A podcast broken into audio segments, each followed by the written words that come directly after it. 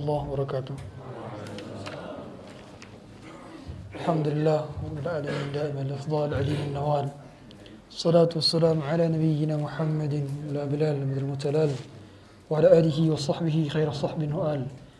أشهد أن لا إله إلا الله وحده لا شريك له وأشهد أن محمدا عبده ورسوله وصفيه من خلقه وخليله. أدى الأمانة وبلغ الرسالة ونصح للأمة. وكشف الله به الغمة وجاهد في الله حق جهاده حتى أتاه اليقين. تركنا على محجة بيضاء. ليلها كنهارها لا يزيغ عنها إلا هالك. اللهم صل وسلم وزد وبارك وأنعم وكرم ومجد على عبدك ورسولك محمد صلى الله عليه وعلى آله وصحبه وسلم. فإن أحسن الكلام كلام الله وخير الهدى هدى محمد صلى الله عليه وسلم. وشر الأمور محدثاتها وكل محدثة في الدين بدعة وكل بدعة ضلالة وكل ضلالة في النار أما بعد Hadirin dirahmati Allah Subhanahu wa taala.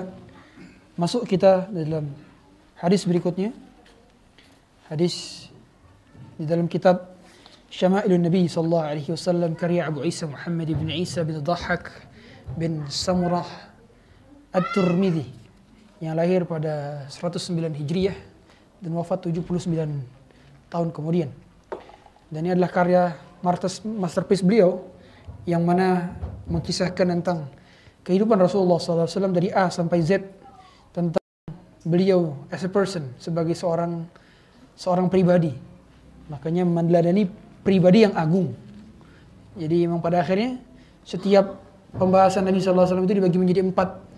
Yang pertama adalah sirah nabawiyah, yang kedua adalah syama'ilun nabi, yang ketiga adalah dalailun nubuwah seperti karya Al-Imam Al-Baihaqi.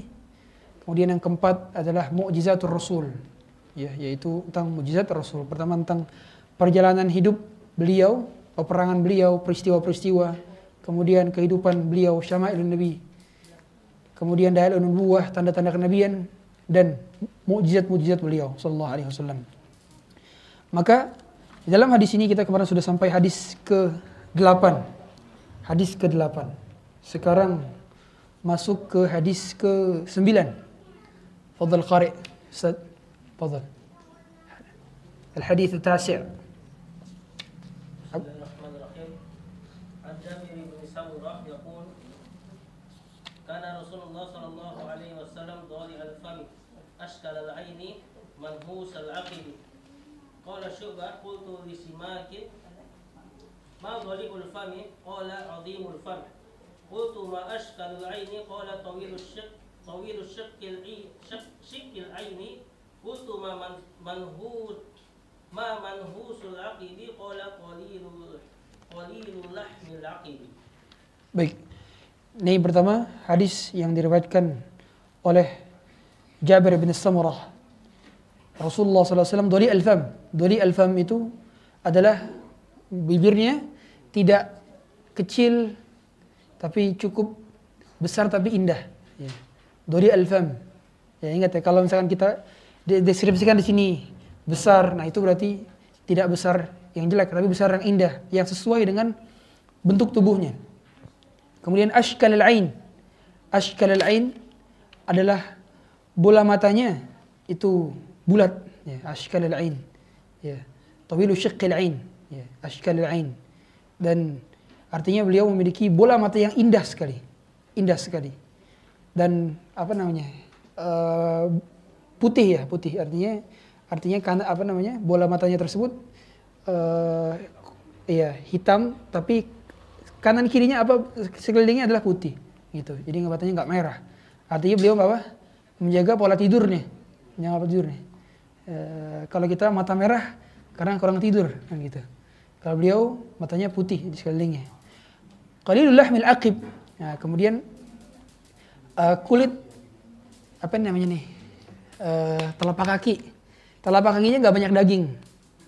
Nggak banyak daging. Makanya beliau itu kalau misalkan apa namanya kalau misalkan bernapak bernapak itu nggak semuanya kan ada orang yang tapak kakinya itu full nempel dan kelihatan semuanya jadi nggak kelihatan bentuknya kalau beliau nggak ada space di kakinya di apa namanya Ah, cekungan betul, cekungan di di tepakan kakinya itu. Ya. Karena yang terlalu tebal tapak kakinya itu juga tidak indah. Tidak indah. Kalau beliau tidak terlalu banyak. Qalil lahmil aqib gitu ya kakinya. Muakhir, muakhir lahm itu tadi di bawah ini nih. Di bawah ini. Jadi kalau misalkan kelihatan tuh, kita kalau misalkan e, jalan tempat yang kotor, nah itu kan nyiplak tuh. Nah, kalau ciplakannya nggak banyak, artinya cuman ujung ke ujung doang, atrafal aqdam, ya kemudian sama ujung-ujung lagi. Nah, berarti itu berarti nggak banyak daging tambahan di situ. Nah, itu ya. Ini tandanya apa? Beliau bentuk tubuhnya ideal. Karena biasanya daging yang paling banyak bawah itu adalah daging le lemak.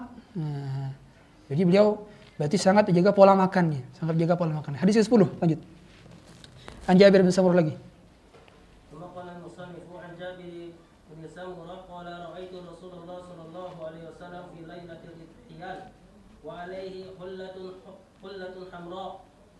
faja'altu anzuru ilaihi wa ilal qamar falahu indi ahsanu minal qamar. Haji, Masya Allah. Masya Allah ya. Nah, ini kata Jabir bin Samurah nih. Ini anaknya jadi sahabat nih. Sahabat itu setiap hari bisa lihat Nabi, kemudian berjumpa dengan Nabi. Kalau datang kita minta Nabi ya, wahai Nabi doain saya. Sering ya, sahabat-sahabat begitu bilang. Subhanallah, bisa dapat doa langsung dari beliau, mustajab. Ya kan? Tapi ingat, ketika Nabi sudah wafat, nggak bisa kita minta-minta ke beliau, nggak bisa. Ya. Ustadz, bukannya Nabi masih hidup sekarang? Bukankah ada hadis bahwa al-anbiya kulluhum ahya'un fi kuburihim yusallun? Gitu ada hadis itu. Jawabannya gimana? Nah, kehidupan beliau sekarang itu tidak sama dengan kehidupan kita. Jadi hayat sebagaimana kata Syekh bin Bas eh, mereka semua itu hidup hayatan berzakhiyah. Jadi bukan hidup yang sama seperti kita. Lagi sholat seperti kita sama di kuburan enggak. Makanya kaifiyahnya tidak tidak kita bisa gambarkan secara analar gitu. Ya tidak bisa kita telus, telusuri seperti apa kehidupannya. Makanya salah tuh. Kalau kita ke Madinah tuh ya, banyak orang-orang itu diusir-usirin tuh sama askar nih. Dia kan di depan di depan apa namanya? Di depan depan, depan uh, apa namanya? depan pelataran tuh ya. Mereka bukan doa menghadap kiblat, doanya belakang kiblat. Karena belakang kiblat itu makamnya Nabi. Nah, itu diusir-usirin biasanya orang-orang India, Bangladesh tuh. Itu diusir-usirin tuh. Sengaja itu. Nggak bisa kita uh, apa, minta kepada Nabi. Nabi sudah tidak ada, gitu kan. Uh, jadi kalau pas minta kepada orang yang masih hidup minta doa boleh kepada orang yang hidup boleh. Makanya kalau bisa bisa apa minta tolong doain ntar pas lagi di Mekah boleh itu boleh. Para sahabat dulu boleh kayak gitu. Para sahabat juga saling meminta doa seperti Ibnu Umar. Diriwayatkan dia juga kalau misalkan lagi ke Mekah dia nitip nitipin doa tuh ya nitip doa sebagian sahabat ya. Kalau lagi umroh dan seterusnya itu boleh. Tapi kalau sudah meninggal nggak bisa. Inna la tusmi'ul mauta kamu nggak mungkin memperdengarkan orang yang sudah meninggal Nah, kalau minta-minta saja nggak boleh, apalagi bilang ya madat, madat, nggak bisa, nggak bisa. Apalagi minta ke kuburan Husain, minta ke kuburan Imam Syafi'i, nggak bisa. Nah, ini banyak pelajar-pelajar ya, kita lihat uh, yang belajar misalkan di negeri Mesir itu minta ke kuburan, minta ke kuburan. Ustadz ini kan dia berdoanya kepada Allah, tapi menjadikan kuburan sebagai wasilah, tetap nggak bisa. Pada akhirnya nggak bisa. Kuburan itu bukan tempat kita memohon pertolongan, minta doa kepada Allah, bukan. Tempat kita mendoakan orang yang sudah meninggal. Kan mereka kan enggak. Makanya kata menurut mereka doa inda kubur salihin mustajab. Karena dalil mereka apa? Dalil mereka itu adalah uh, ini apa namanya? tajarubat, tajarubat. Tajarubat itu percobaan. Dikarenakan mereka nyoba berkali-kali dijabah. Nah, ingat, tajarubat itu bukan dalil. Dalilnya adalah Quran dan Sunnah. Jadi kalau tajarubat ulama, ulama zikir dengan cara yang seperti ini dijabah oleh Allah. Itu bukan dalil. Ulama bukan dalil. Dalil adalah perkataan Rasulullah, perkataan Allah Subhanahu wa taala itu baru dalil. Ya. Uh, saya bisa aja kalau ulama gitu, oh, saya minum kopi sambil baca Al-Baqarah 30 kali, langsung dapat jodoh misalkan. Itu, tajarubatnya saya misalkan, langsung ijazahin siapa yang minum kopi. Siapa yang ya, itu bisa saya bisa buat kayak gitu. Saya bisa aja buat kayak gitu. Kan gitu. Tapi pada akhirnya nggak bisa dijadikan sebagai sebagai dalil, gitu ya. Ah, di sini Jabir bin Samurah, subhanallah ya. Jadi pada filailati idhiyan. Jadi pada saat rembulan tuh full, full. Apa supermoon kalau bahasa kita, full moon. Apa bahasa Inggrisnya saya nggak tahu tuh. Nah, itu. Iya, bulan-bulannya full gitu. Biasanya kan itu di pertengahan bulan ya, tanggal 15, 15, 15 di bulan-bulan uh, di bulan-bulan Hijriyah gitu kan. Nah, itu pada saat itu Nabi keluar Nabi keluar dengan menggunakan apa? Uh, hullatun amra. Ya, itu baju yang warnanya merah. Ya, warnanya merah. Ya. Tapi yang pada dasarnya baju Nabi SAW itu nggak full merah semua, nggak. Tapi ya ada motifnya, gitu. Ada motifnya. Jadi eh, ini menjadi dalil apa? Bolehnya pakai baju merah. Boleh pakai baju merah, gitu. Faja'altu anzur ilaihi wa ilal qamar. Terus dilihat kan, ya, Nabi keluar habis mandi ditanya, habis mandi sebelum maghrib, gitu kan. Kan uh, mungkin pada maghrib juga, pada maghrib. Dilihat Nabi SAW dengan bulan. Ya. Ternyata aku dapati kata dia. Ya. Indi ahsanul qamar. Ternyata wajahnya, penampilannya lebih indah dibandingkan rembulan. Ya, subhanallah. Jadi pada akhirnya para sahabat dahulu itu mereka ketika mengkompar sesuatu itu dengan hal lain sekeliling mereka. Oh, ada bulan, berarti dikompar dengan dengan bulan Rasulullah SAW. Ya. Ini berarti apa? Berarti memang sangat indah sekali, sangat indah sekali. Makanya memang um, sebetulnya Nabi SAW itu lebih tampan daripada Nabi Yusuf.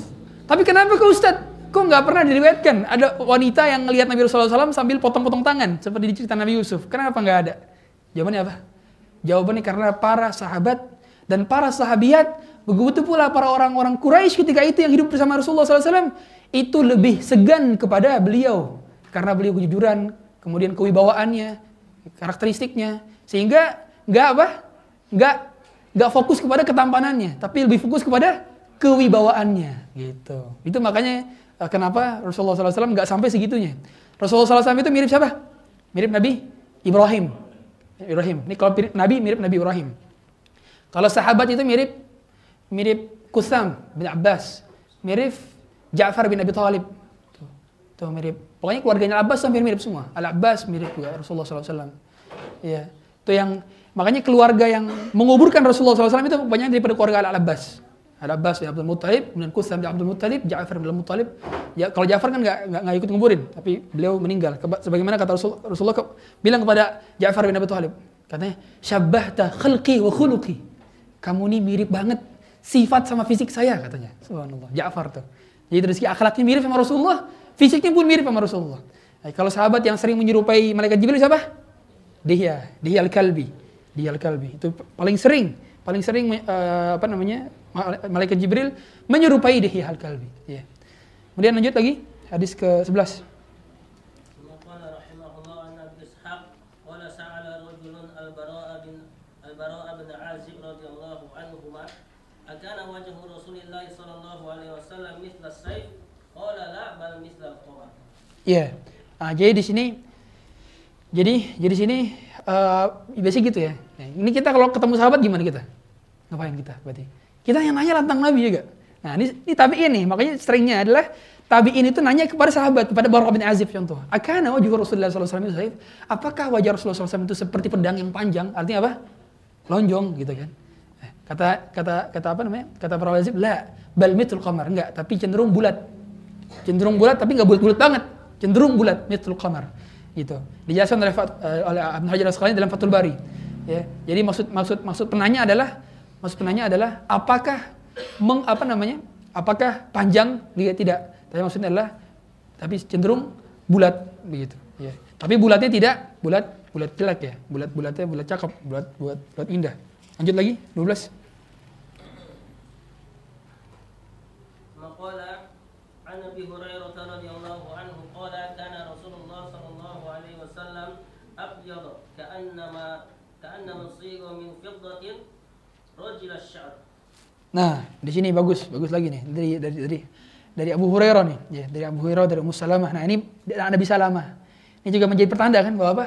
Abu Hurairah itu dapat meriwayatkan 5374 hadis. Itu bukan gara-gara beliau banyak bermulazamah dengan Rasulullah, enggak. Kenapa bisa banyak? Karena dia bermulazamah dengan para sahabat, dengan muridnya Nabi. Tandanya apa? Kalau kita mau jadi alim, alim udah nggak ada nih contoh. Kita mau ketemu bermulazamah dengan Syekh bin Baz, Syekh Utsaimin, Syekh Abdurrahman Sa'adi. Udah nggak ada sekarang. Gimana caranya? Cari murid-muridnya. Cari murid-muridnya.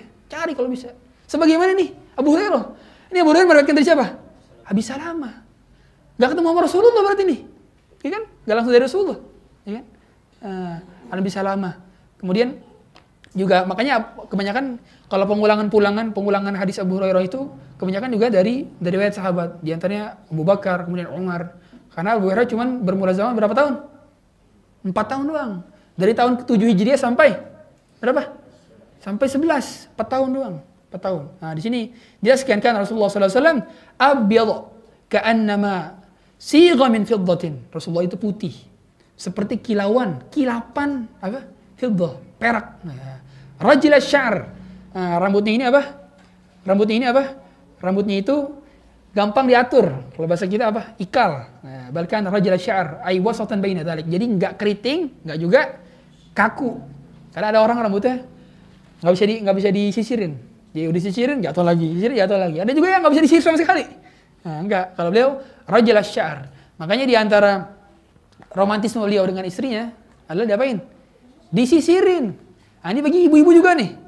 Coba, kapan terakhir nyisirin bapaknya? Kapan ibu terakhir nyisirin bapaknya? Itu harus harus ini harus diperhatikan itu. Karena nyisirin suami itu termasuk apa? Sunnah. Aisyah nyisirin Rasulullah. Bahkan ketika itikaf saja Rasulullah masukin kepalanya kan ke kamar. Karena Rasulullah sampingan dengan dengan Masjid Nabawi. Masuk kepalanya disisirin sama Aisyah. Subhanallah. Uh, makanya Rasulullah tidak nyisir tapi Rasulullah tidak nggak nyisir sering-sering. Artinya apa? Rasulullah nggak bawa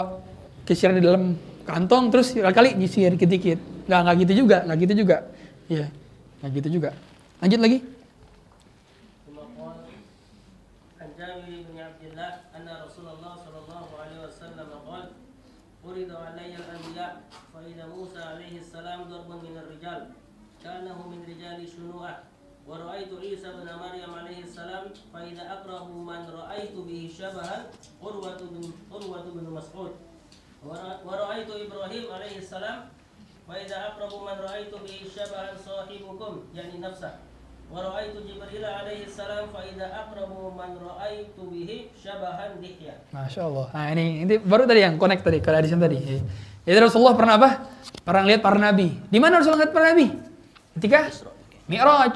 Ketika Mi'raj ke langit. Ketika Rasulullah Mi'raj ke langit, maka beliau kan ditampang kepada nabi-nabi kan. Ya. Langit pertama bertemu dengan Nabi Adam, langit kedua dengan Nabi Isa, Nabi Yahya, Nabi Yusuf, kemudian Nabi Musa, Nabi Harun, Nabi, Harun dulu, Nabi Harun baru Nabi Musa, baru yang terakhir Nabi Ibrahim. Nah, semua Rasulullah SAW hampir melihat Nabi itu di situ. Nah, di situ makanya ketika ngelihat oh, Nabi Idris langit keempat, Nabi Idris langit keempat. Karena Nabi Idris apa? Nabi Idris wafatnya itu di mana? Di langit keempat. Jadi Nabi Idris itu nggak wafat di bumi, tapi wafatnya di langit keempat. Sebagian disebutkan oleh Al-Hafidz Ibnu Katsir dalam Qasusul Anbiya. Dalilnya mana? Dalilnya adalah dalam surat Maryam. Barrafa'ahu Allahu ilaih. Berarti kami angkat ke langit. Jadi yang pernah diangkat ke langit selain Nabi Muhammad, Nabi Isa dan juga Nabi Idris itu diangkat ke langit. Dalam, kalau Nabi Idris dalam keadaan masih hidup juga, cuma wafat di sana. Nabi Rasulullah juga diangkat dalam keadaan masih masih hidup. Kalau Nabi Isa masih hidup sampai sekarang, kan gitu. Ya. Ah, di sini di sini waktu itu Rasulullah menjelaskan, ya. Faida Musa darbu min rijal ka'annahu min rijali syauna. Ya. Nabi Musa ini seperti seorang dari suku Syauna, Bani Syauna. Itu mana? Suku dari kabilah Yaman. Jadi seperti orang Yaman. Orang Yaman itu gimana perawakannya? Nah, kulitnya agak ke coklatan. Eh, kecoklatan kulitnya. Orang Yaman tuh katanya. Karena kenapa orang Musa? Nabi Musa itu berotot keker. Keker. Ya. Kenapa? Buktinya apa? Buktinya nonjok sekali. Langsung wafat. Ya kan? Orang yang ditonjok langsung wafat. Nah, berarti di sini Nabi Musa seperti kata Rasulullah syanu'ah atau syauna. Ya. Syanu'ah. Syanu'ah. Nah, kabilah min Yaman. Mirip kekuatannya dan porsi tubuhnya. Kemudian tinggi juga. Tinggi juga. Makanya kenapa yang hampir mirip dengan Nabi Musa itu dengan sahabat siapa? Siapa? Oh, Umar. Makanya kata Nabi, "Lau kana ba'di nabiyyan lakana Umar." Seandainya setelah gua ada nabi, pasti Umar. Kenapa kok nabi? Kenapa Umar? Kenapa bukan Abu Bakar? Kenapa bukan Abu Bakar? Karena memang defaultnya para nabi itu terdesain secara khusus tubuhnya kuat-kuat. Secara fisik kuat-kuat, physically kuat-kuat, mentally kuat-kuat. Kuat. Nah, makanya yang mirip dengan sahabat tuh kuat. Umar itu kalau naik kuda, napak kakinya ke ke tanah. Eh, napak kaki ke tanah. Bahkan, bahkan kalau dia berburu burunya apa? Seperti buru Hamzah, buru apaan? Buru singa. Singanya itu satu megang megang apa namanya? Megang senjata, satu singa digotong begini. Subhanallah, kuat banget Umar. Ya, makanya wajar saja gitu masuk Islam, berani di depan Ka'bah. Nantangin siapa nih? Sengaja saya, wahai, kaumku, aku telah masuk Islam. Berantem dengan pada hari itu. Sampai kapan? Sampai maghrib berantem. Besok lanjutin lagi karena memang kuat, kuat pada akhirnya Umar. Ya. Nah, maka di sini dikatakan kalau Musa itu seperti kabilah demikian. Kemudian kemudian Nabi Nabi SAW melihat Nabi Isa, Isa bin Maryam. Fa idza aqrabu man ra'aitu bihi syabahan Urwah bin Mas'ud. Nah, aku melihat seperti Urwah bin Mas'ud. Urwah bin Mas'ud apa? Al-Thaqafi. Ya, Urwah bin Mas'ud Al-Thaqafi. Kata Urwah bin Mas'ud ini hadis hadis hadis hadis apa? Hadis riwayat Urwah bin Mas'ud Al-Thaqafi dalam hadis Sahih Bukhari. Kata kata beliau, ya luar biasa ketika mensifati Rasulullah SAW. Ini pada saat itu beliau belum masuk Islam nih kata Urwah bin Mas'ud. Katanya uh, ketika ketika Rasulullah SAW pada saat itu sedang sulh Hudaybiyah. Kemudian para sahabat itu memuliakan Rasulullah. Nah, orang-orang kafir ngelihat nih bagaimana para sahabat memuliakan Rasulullah SAW. Ya, bagaimana karena katanya kadu yaqtatiluna inda wudu'i. Kalau para sahabat itu kalau Rasulullah SAW wudu apa? Berebutan untuk mendapatkan percikan air wudunya. Subhanallah, percikan air wudu. Kadu yaqtatilun. Berebutan yaqtatilun itu apa? Perang. Hampir perang yaqtatiluna inda wudu'i. Wa idza tanaqamat nuqamat wa ma tanaqama nuqamatan illa saqata fi kaffi rajul minhum. Tidaklah Rasulullah SAW meludah kecuali kanan kirinya sudah ada yang siap nadangin. Ya. Untuk apa? Nampung ludahnya beliau berdahak. Ma tanaqama nuqamatan. Kemudian apain? Fadallaka biha wajah. Kemudian mereka mengusap ke wajah mereka dan tubuh-tubuh mereka. Kata makanya kata Abu Sufyan ketika melihat pemandangan ini, ma raaitu ahadan yuhibbu ahadan kahubbi ashabi Muhammadin Muhammada katanya. Aku belum pernah lihat ada seorang yang mencintai seorang lainnya sama seperti kecintaannya sahabat Muhammad kepada si Muhammad. Ini kata Abu Sufyan. Ketika belum masuk Islam dia, belum masuk Islam dia. Ngelihat, subhanallah. Eh, berarti apa? Sangat sekali memuliakan. Ya, muliakan sekali para sahabat Rasulullah SAW kepada Rasulullah SAW. Wajar Nabi SAW. Kenapa kok sampai seperti itu? Karena apa? Seluruh jasad Nabi adalah berkah. Selain dari Nabi, nggak bisa kita bilang berkah. Nggak bisa. Selain daripada Nabi dan Rasul, nggak bisa kita bilang berkah.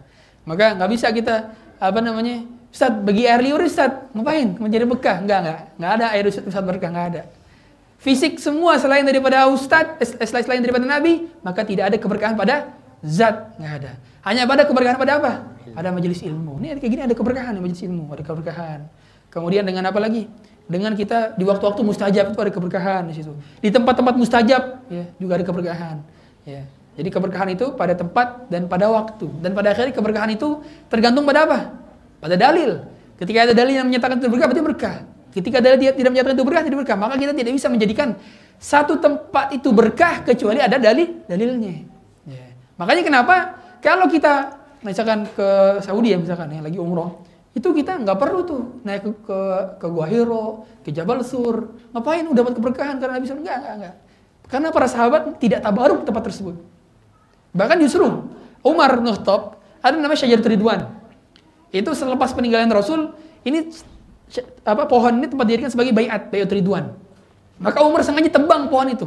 Karena banyak orang yang sudah mulai gantung-gantungin senjata sambil sholat di situ untuk menjadi keberkahan. Maka Umar ditebang. Gak ada di keberkahan-keberkahan. Karena Nabi SAW tidak melakukan keberkahan di situ. Makanya Nabi, Nabi SAW itu ngapain? Cium ajar?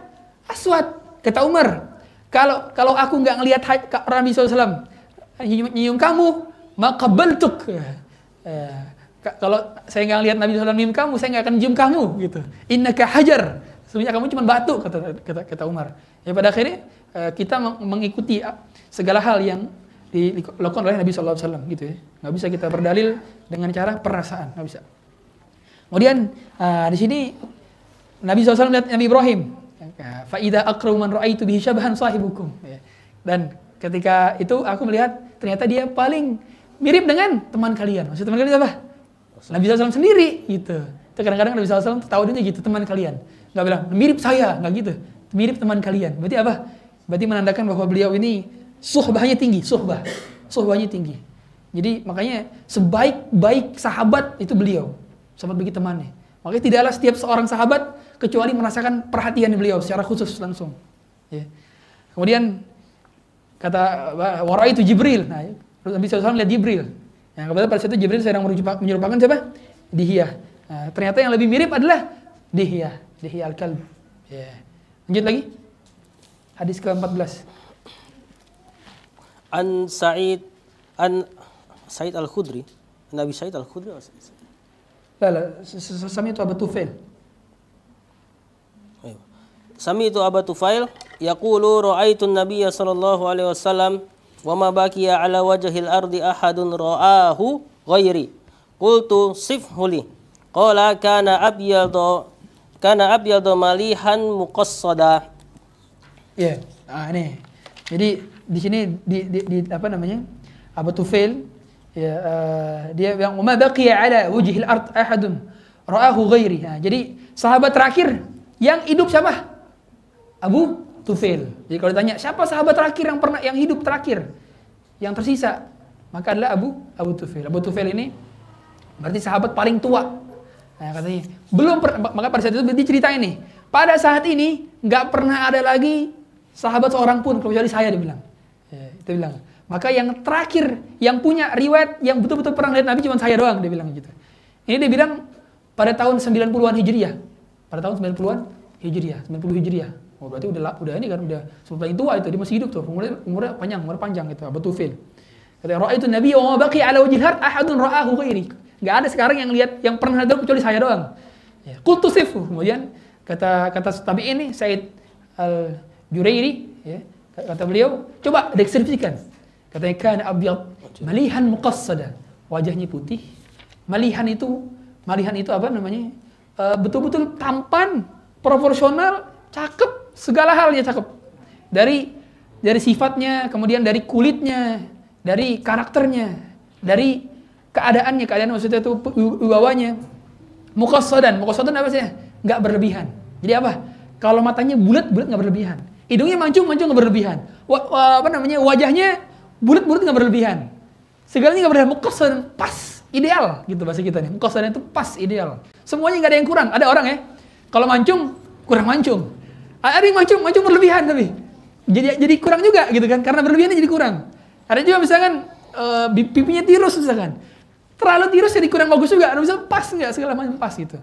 Mu'tadil muqassadan. Itu cakepnya masya Allah ini kita belajar gini supaya apa ya, supaya kalau ternyata kita mimpi bertemu Rasulullah SAW harus sesuai dengan ini kalau nggak sesuai dengan ini berarti yang kita lihat dalam mimpi itu bukan Rasulullah berarti apa syaitan yang mengaku Rasulullah SAW Ustaz bukan bukan Rasulullah pernah bilang, "Man ra'ani fil manam faqad ra'ani fa inna syaitana la yatamassalu bi." Siapa yang melihatku dalam mimpi maka dia pasti melihatku. Karena syaitan tidak menyerupaiku. Ya, betul. Syaitan memang tidak menyerupai Nabi SAW. Tidak bisa menyerupai Nabi. Tapi ingat, syaitan bisa mengaku-ngaku kepada bisa menjadi Nabi. Ya. Makanya banyak orang, gimana kamu ketemu Nabi? Oh, Nabi orangnya gemuk. Bukan Nabi itu yang kamu lihat. Maka Nabi. Ya, Nabi gimana ya? Nabi, Nabi jenggotnya sedikit di sini. Itu bukan Nabi, itu Abu Janda kalian tuh lihat. bukan nggak ada Nabi kayak gitu. Nabi jenggotnya panjang. Ya, makanya gerak geriknya Nabi SAW mulutnya aja kelihatan dari dari belakang. Kayak gitu. Sebagaimana kata Muad. Muad ngelihat, subhanallah. Ya. Gerak gerik mulut Rasulullah SAW itu kelihatan dari belakang. Subhanallah. Gitu ya. Lanjut lagi. Semakal Ani bin Abbas radhiyallahu anhu maqal Kana Rasulullah sallallahu alaihi wasallam aflaja saniyataini idza takallama ru'ya kan nur yakhruju min bainis sanaya. Ajib, Masya Allah nih. Ini keren banget bahasanya. Ini memang para sahabat tuh jago kalau mendeskripsikan sesuatu. Dia tuh apa namanya? pakai kosa kata yang tinggi. Nah, kita kata Ibn Abbas ketika ditanya ya, ketika ditanya bagaimana Nabi Rasulullah SAW aflaja aflaja saniyatain. Jadi giginya itu nggak rapat-rapat, tapi agak renggang dikit-dikit, agak renggang dikit-dikit. Dan itu renggang indah. Ya. Justru ada orang yang terlalu rapat atau terlalu renggang. Ada enggak? Ada renggang sedikit-sedikit. Ya. Ida takallama kalau beliau berbicara, berbicara ru'ya kenuri yakhruju min baini sanaya. Nah, kalau beliau berbicara seolah-olah itu seperti ada cahaya yang keluar dari setiap apa? Setiap itu setiap apa gigi ke gigi. Subhanallah. Ya. Makanya kata sahabat yang lain juga, Ketika Rasulullah tersenyum, maka tampaklah gigi beliau laksana butiran-mutiara yang tersusun rapih. Subhanallah, cakep bener, ya kan? Nah itu, um, nah ini juga juga menjadi dalil ya bahwa pada hakikatnya um, cahaya di sini adalah cahaya yang bentuknya apa namanya uh, bukan bukan cahaya seperti kelihatan cahaya enggak, tapi maksudnya seperti ada cahaya gitu ya. Makanya kalau kita beda-beda lihat ya, orang seperti ngeliat muka dia itu cahayanya gitu. Meskipun nggak pakai flashlight juga dia, enggak. Tetap ada kayak cahayanya gitu. Ada orang meskipun misalkan kulitnya nggak begitu cerah gitu. Tapi seperti ada cahaya nurnya beda. Bekas wudhu. Orang orang kalau misalkan dia uh, wajahnya ta'zim, penuh dengan khusyuk, penuh dengan khudu, biasanya kelihatan dari wajahnya tuh. Ya. Makanya simahum fi wujuhim min athari sujud. Kan gitu. Ada tanda. Tanda apa? Kata para ulama itu bukan tanda titik tiga di sini, nggak harus. Nggak harus. Karena ada orang yang memang kulitnya tipis. Ya kan? Makanya Ustaz, si apa asar sujud tuh titik tiga Ustaz deh. Wah, berarti pakai spidol lah titikin misalkan. Nggak bisa, nggak bisa. Asar sujud itu kata para ulama bukan bukan titik hitam, bukan. Tapi apa? Tanda khusyuk. Tanda khusyuk. Dan tanda khusyuk itu kelihatan. Dari apa? Dari ketenangan dia. Calmness, pembawaan nih, tenang. Nggak gerasa gerusuk. Itu beda. Itu makanya. Nah itu hasil daripada sholat khusyuk itu kayak gitu. Tanda khusyuk gitu. Bukan harus titik tiga, nggak harus. Makanya kita lihat banyak ulama-ulama Saudi, saya lihat nggak ada titik tiganya. Apa saya bilang, apa ini kurang sujud? Enggak juga. Nggak bisa kita bilang kurang sujud. Masyayikh gitu kan. Subhanallah. Nah, berarti dalam hal ini berarti apa? Berarti kita nggak bisa tuh uh, pakai pakai hal semacam itu ya. Uh, makanya wah, apa namanya cahayanya bukan cahaya bukan cahaya yang beneran gitu, tapi cahaya tapi kias ini, majaz gitu ya, majaz, majaz. Ya. Nah, kemudian lanjut lagi bab kedua nih, bab ja'a fi khatamin nubuwah.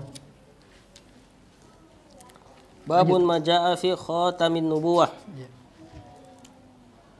An al-Ja'di bin Abdurrahman qala sami'tu as-Sa'ib bin Yazid yaqul dhahabat ذهبت بي خالتي إلى النبي صلى الله عليه وسلم فقالت يا رسول الله إن ابن أختي وجع فمسح رأسي ودعا لي بالبركة وتوضأ وشربت من وضوئه وقمت خلف خلف ظهره ونظرت إلى الخاتم بين كتفيه faida huwa mislu zirril zirril hajalah. Iya, mana Ini ada ada apa namanya? Uh, sahabat namanya Sa'id bin Yazid. Zahabtu bi khalati ila Nabi sallallahu alaihi wasallam. Dia pergi barang siapa? Khalahnya. Khalahnya itu bibi, bibi bibi dari ibu. Ila Nabi datang kepada Nabi. Faqalat ya Rasulullah, inna ibni ukhti waji'. Sesungguhnya ini keponakan saya sedang sakit. Famasaha ra'si wa da'ali bil barakah. Kemudian ngapain? Uh, megang kepala dan doain dengan keberkahan. Barakallahu fiik misalkan, barakallahu lak dan seterusnya. Wa tawaddu kemudian disuruh wudu. Nah, berkas wudunya fasyaribtu min wudu'i. Kemudian aku minum bekas air wudunya. Wa kumtu khalfa dhahri. Kemudian aku berdiri di belakang beliau sallallahu alaihi wasallam. Fa nadartu ila al-khatami baina katifai. Kemudian aku melihat tanda kenabian di antara dua apa ini katifnya apa sih namanya bahasa Indonesianya? Pundak. Uh, pundak, di pundak. Nah, dia ada di pundak tengah-tengahnya itu. Fa huwa mithlu zirl hajalah. Itu seperti apa? telur burung dara. Tonjolan burung dara. Kalau kita apa? Tanda lahir. Kalau kita punya tanda lahir kan? Nah ini tandanya tanda tanda kenabian. Ini yang dilihat oleh pendeta Bukhairah.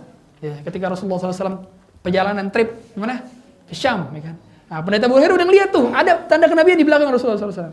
Makanya pada saat itu dia nanya kepada kepada kepada Abu Talib, siapa dia anak ini? Kata Abu Talib, huwa ibni, huwa ibni, dia anakku. Gak mungkin bapaknya masih hidup kata kata kata, kata itu pendeta Bukhairah. Gak mungkin bapaknya masih hidup. Bapaknya itu sudah meninggal. Bal huwa ibnu akhi, tapi dia adalah keponakanku. Baru dia jujur gitu padahal. Nah, jadi tahu tuh pendeta Bukhairah itu bahwa nabi yang terakhir itu bapaknya sudah meninggal ketika dia berada di dalam kandungan, yatim. Gitu. Dia tahu tanda kenabian dan lihat tanda kenabian di belakang Rasulullah SAW. Ya. Pada saat itu Rasulullah SAW itu sedang perjalanan trip apa? Perdagang dengan siapa? dengan pemimpin kabilah Quraisy. Yang mana top-top pedagang Quraisy. Bayangin. Ibarat kata nih, ibarat kata nih, ibarat kata nih. Ibarat kata Rasulullah itu umur 12 tahun, tapi ngelakuin perjalanan tip sama Sandiaga Uno, sama Erick Thohir, sama siapa lagi? Sama misalkan Khairul Tanjung misalkan. Ngumpulnya gitu tuh, anak 12 tahun. Ibaratnya gitu tuh, ibaratnya gitu. Atau misalkan pedagang pedagang top internasional ya, misalkan sama Jeff Bezos, sama Elon Musk misalkan ya. Uh, ngumpul tuh, umur 12 tahun. Dia disambut sama pendeta Buhaira ketika itu diajak makan. Tapi Rasulullah malu. Rasulullah berdiri di atas pohon, duduk di atas pohon. Eh, apa duduk di, di bawah pohon. Ya, pada saat itu. Barulah diajak makan, diajak makan pada saat itu. Oh, ceritanya panjang tuh ketika perjalanan umur dia umur 12 tahun tadi itu ya. Akhirnya nggak diajak perjalanan lagi karena dikhawatirkan, ya, dikhawatirkan nantinya apa akan dibunuh oleh orang Yahudi di tengah-tengah perjalanan. Nah, di sini kemudian